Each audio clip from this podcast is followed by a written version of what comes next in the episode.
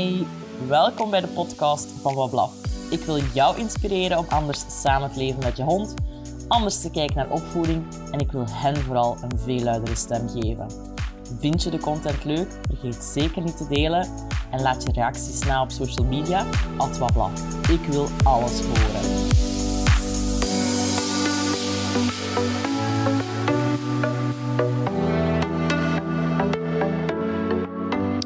Annelies hier en super welkom bij ja, een laatste aflevering van Bewuste Hondenmoeders voor 2022. Wauw, 25 afleveringen. Man, ik had nooit gedacht als ik um, in juni startte met de podcast dat ik 25 afleveringen zou maken dit jaar. Ik ben super dankbaar voor iedereen die met mij in gesprek is kunnen gaan. Super dankbaar ook voor de luisteraars.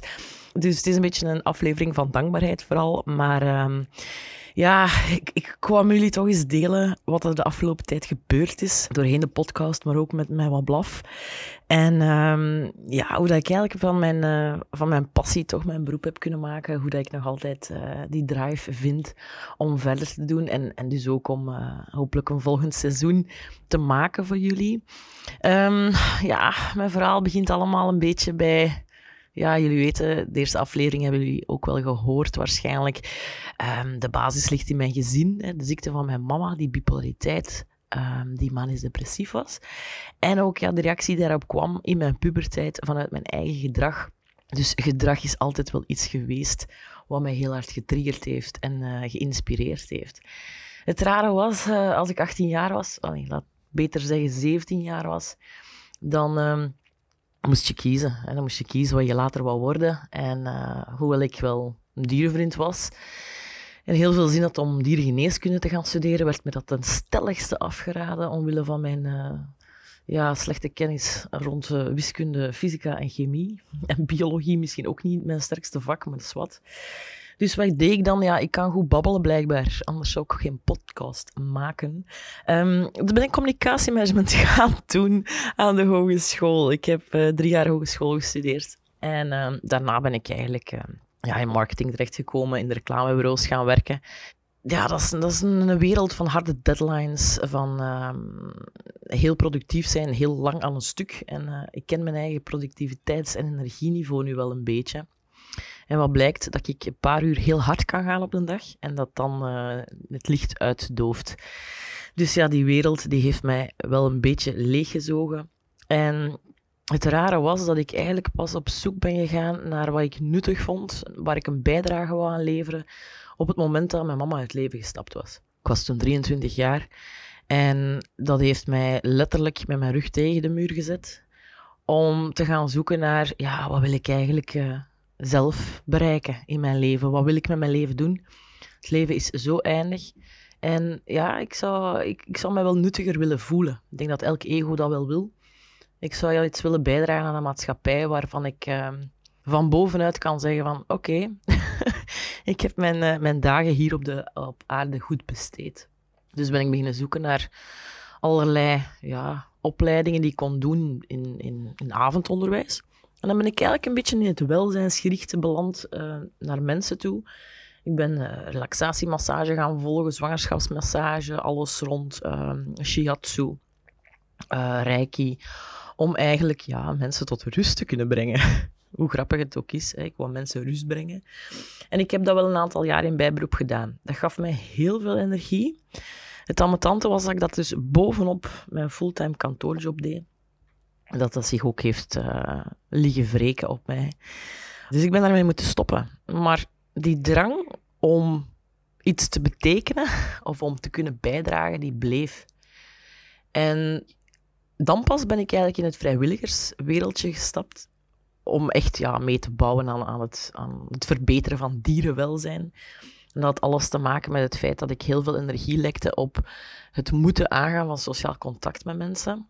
Uh, zeker in een, werkomgeving, waar dat, uh, allee, hoewel ik het heel leuk vond om in teamverband te werken, heb je zelf geen controle uh, over hoeveel interacties dat je hebt op een dag.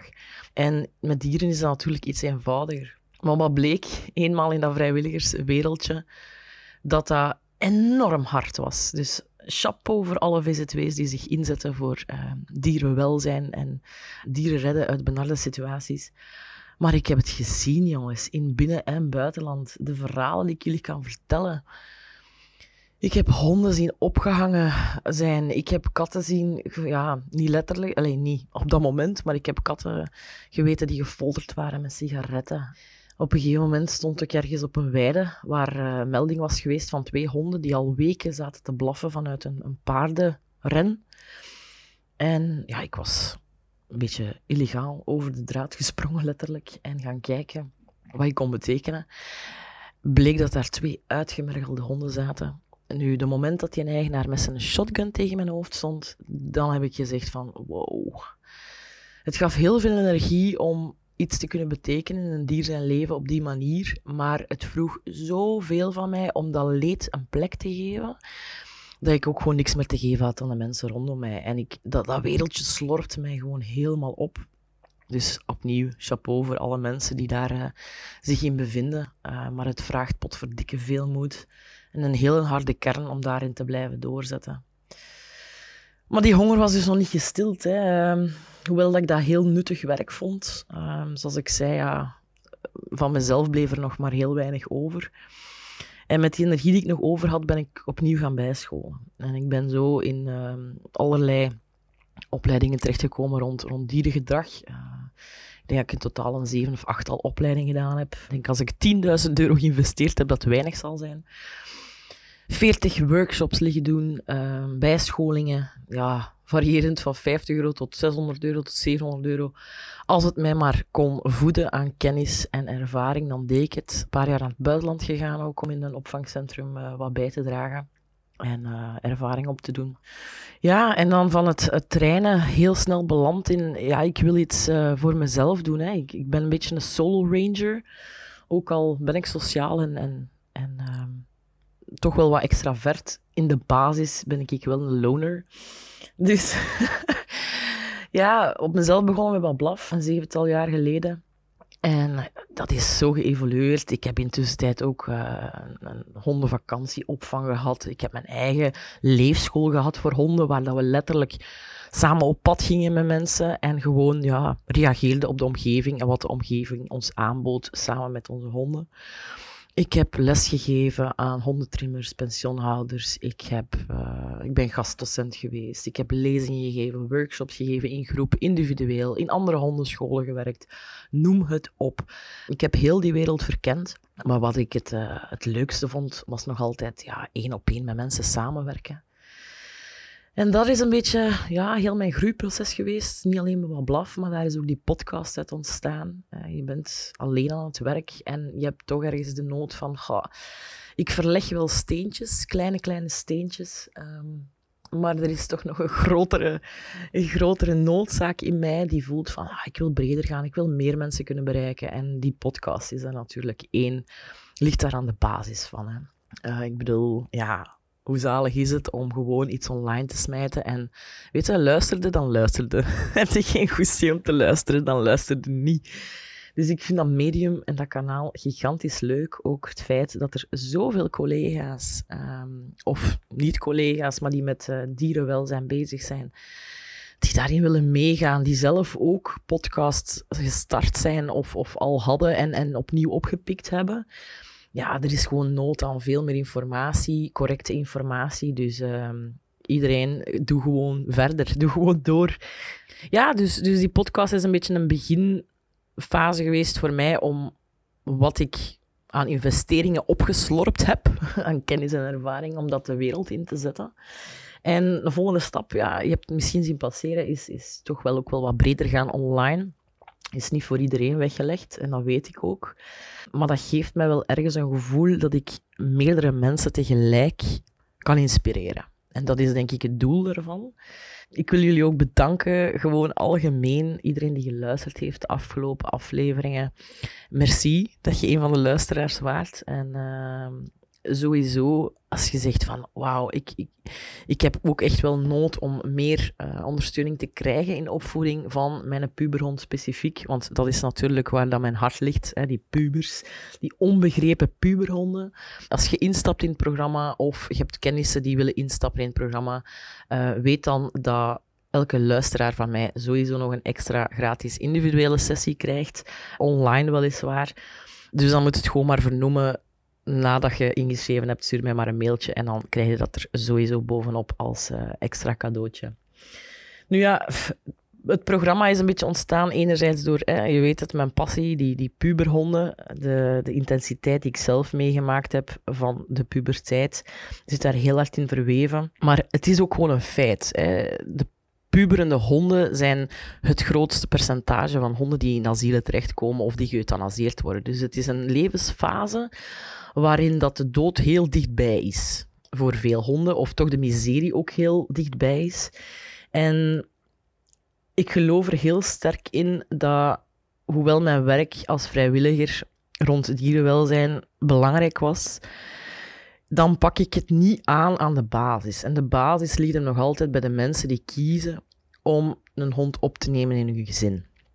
En het is dan pas, als je met die mensen aan de slag kunt gaan, dat je ehm, ja, breder en verder kunt denken. Hè. Uh, als we willen dat de wetgeving verandert, als we willen dat honden geen producten meer zijn, als we willen dat ze beschermd worden door de wet, als we willen dat hun welzijn veel belangrijker wordt, ja, dan is het aan de laagste laag, wij, de bevolking, om daarin van mindset te gaan veranderen. Dan pas kunnen wij onze politiekers gaan stimuleren om ook daarop in te zetten. Net zoals dat wij hen stilletjes aan aan het bewegen zijn om in te zetten op welzijn op het werk, welzijn in de crèches, op school. Um, kijk maar naar de hele, hele ja, historiek van, van, van de kindercrèches.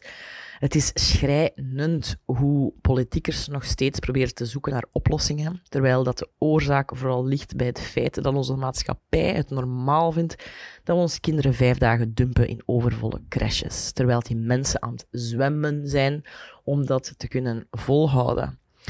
De basis ligt hem in, het, in de mindset van de maatschappij. En dat is voor onze honden ook zo. En die veranderde niet bij de politiekers als je zelf niet daar stappen in zet. Nee, ja, goed. Um, ja, ik reken natuurlijk een bedrag voor mijn online programma, 379 euro, om heel specifiek te zijn. Dat is ook niet voor iedereen. Veel mensen gaan ook zeggen van, wat de hel, hoe kun je zoveel geld vragen voor iets online? Mannekes, ik kan u verzekeren, ik heb mijn ziel daarin gestoken. Ik steek mijn dagen daarin. Ik slaap daar niet van. Um, als ik uiteindelijk de investering zou uitrekenen, dan maak ik zelfs niet, dan kom ik zelfs niet eens break-even uit.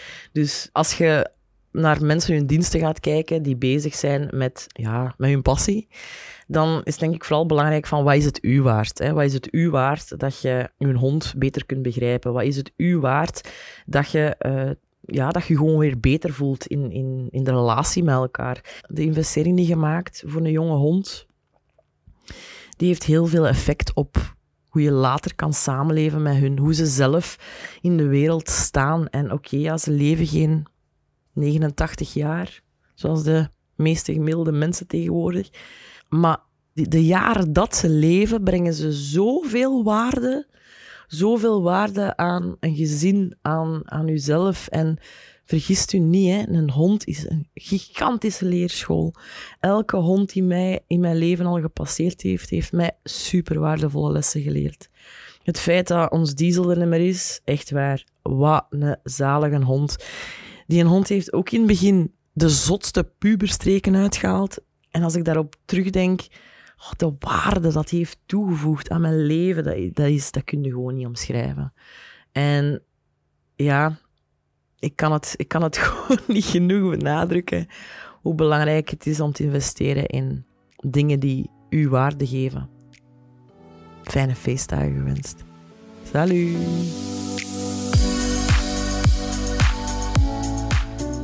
Bedankt om te luisteren. Nu nog iets meer naar onze honden en dan zijn we op weg naar een betere wereld.